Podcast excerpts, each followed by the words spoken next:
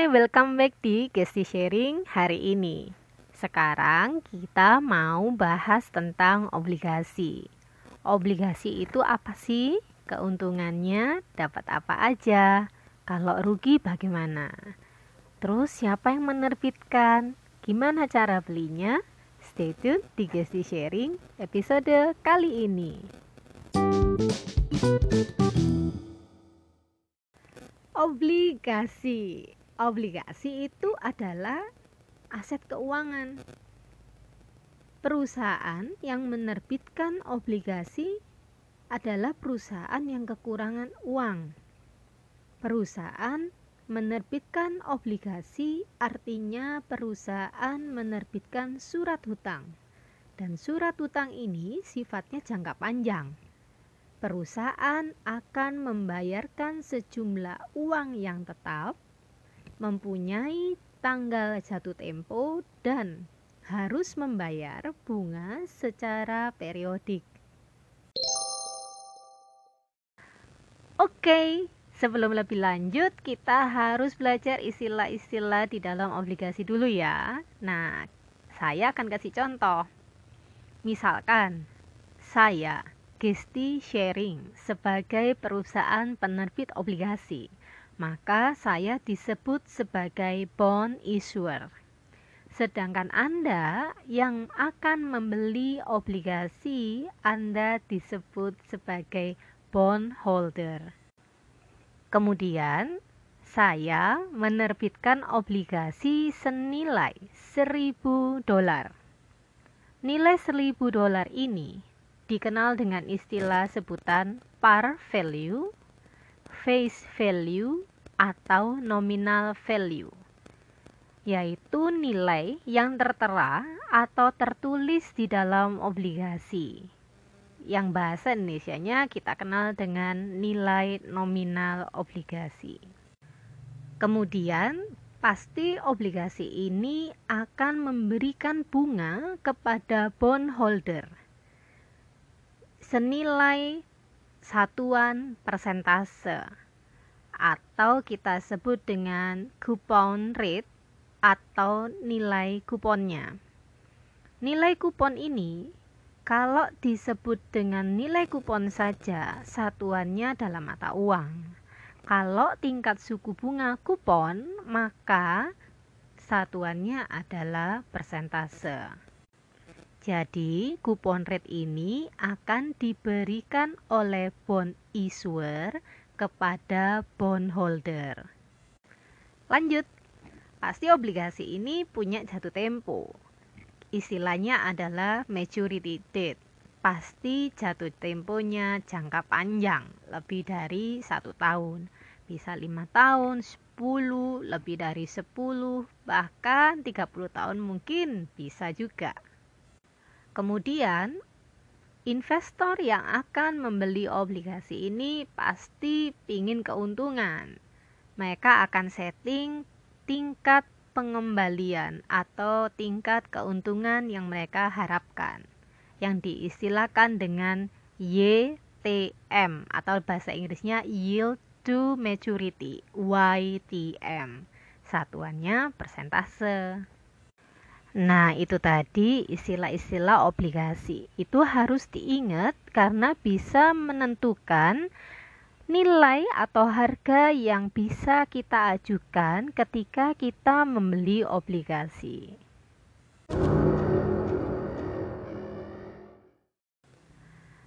Lanjut. Sekarang kalau kita sudah tahu istilah obligasi, terus kalau beli obligasi kita untung apa aja sih?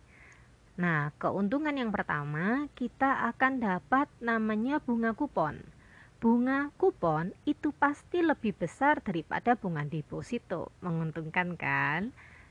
Berapa jumlahnya kalau dari istilah-istilah obligasi yang kita pelajari tadi? Oke, misalkan bunga kupon dari Gesti Sharing itu 10%. Maka nilai kuponnya adalah sebesar persentase bunga kupon dikalikan dengan par value.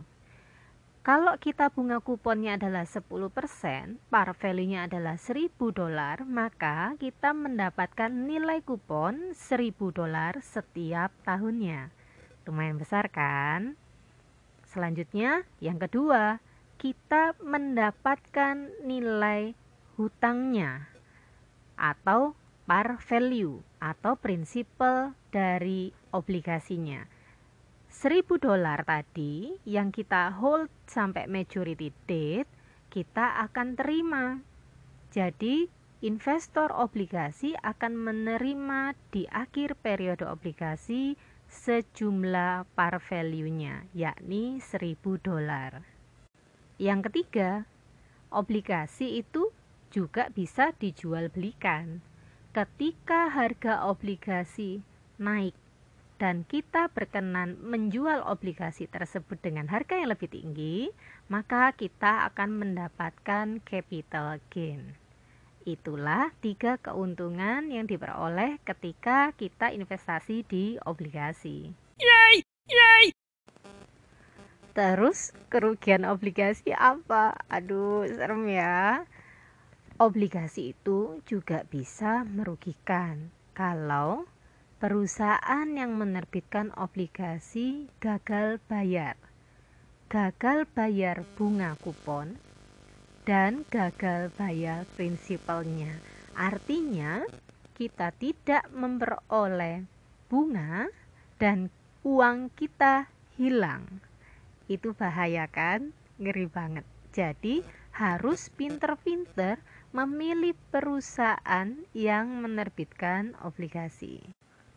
Lalu, siapa yang boleh menerbitkan obligasi?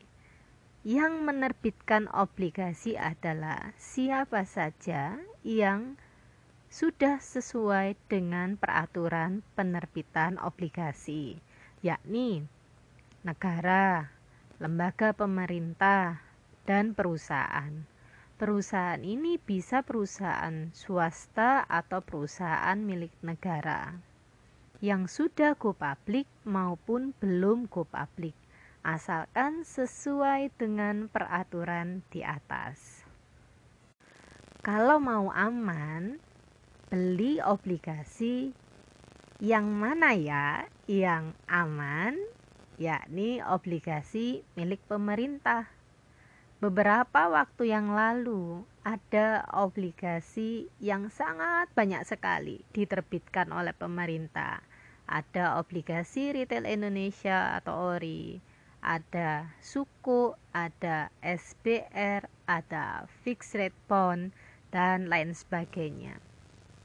Untuk kalangan milenial atau investor retail, boleh memilih obligasi retail Indonesia. Sangat mudah dijangkau harganya keuntungannya menarik dan jatuh temponya hanya sekitar 2 sampai 3 tahun. Tidak terlalu lama, bunganya kupon sangat bisa hmm, oke okay deh. Lebih gede daripada deposito.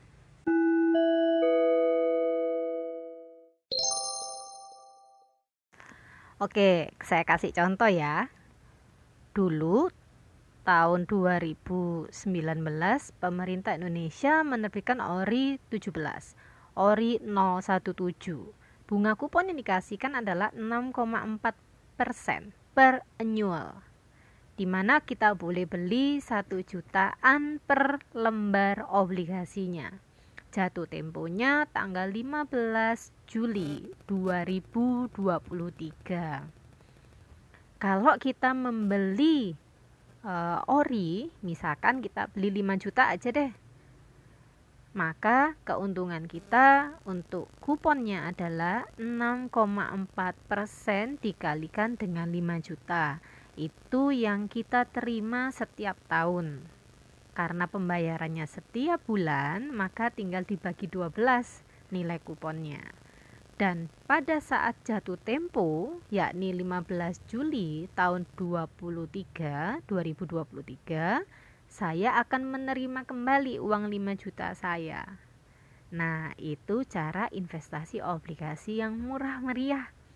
Kita bisa sisihkan uang jajan buat investasi obligasi ORI 17. Next bulan Oktober November ini direncanakan ada ORI 18. Ayo join untuk investasi pada negara Indonesia lewat ORI 18.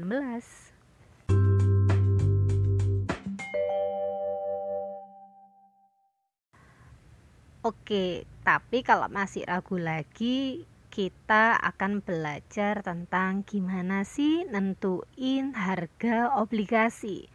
Ada patokannya, yakni kita berpegang erat sama kupon rate dan YTM atau YTM kita. Misalkan kupon yang akan diberikan bond issuer 10%. Sedangkan YTM yang diinginkan oleh kalian sebagai investor obligasi adalah 15%. Artinya, kupon itu terlalu kecil. Anda menginginkan keuntungan yang lebih besar, yakni 15%. Gimana harganya? Ya, Anda bayarnya lebih murah dibandingkan dengan par value-nya. Misalkan par value-nya 1000 dolar, maka Anda sebagai bondholder, calon bondholder boleh membayar di bawah 1000 dolar. Artinya pembelian itu dilakukan secara diskon. Pembelian obligasi lebih murah daripada par value-nya. Yang kedua, patokannya. Misalkan kalau kupon yang diberikan perusahaan penerbit obligasi 20%. Anda sebagai investor obligasi cuma ingin 5%. Kalau Anda diberikan sesuatu yang lebih besar, pasti Anda berkenan membeli mahal. Maka obligasi yang mempunyai kupon rate lebih besar daripada YTM anda akan membelinya dengan harga yang mahal atau dengan istilah premium. Buy at premium value. Yang ketiga, kalau kupon rate yang diberikan oleh bond issuer ternyata sama dengan keuntungan yang Anda harapkan atau nilai YTM-nya, Anda boleh membeli obligasi dengan harga yang sama dengan par value-nya atau kita bisa istilahkan buy at par value. Itu patokan pembelian obligasi.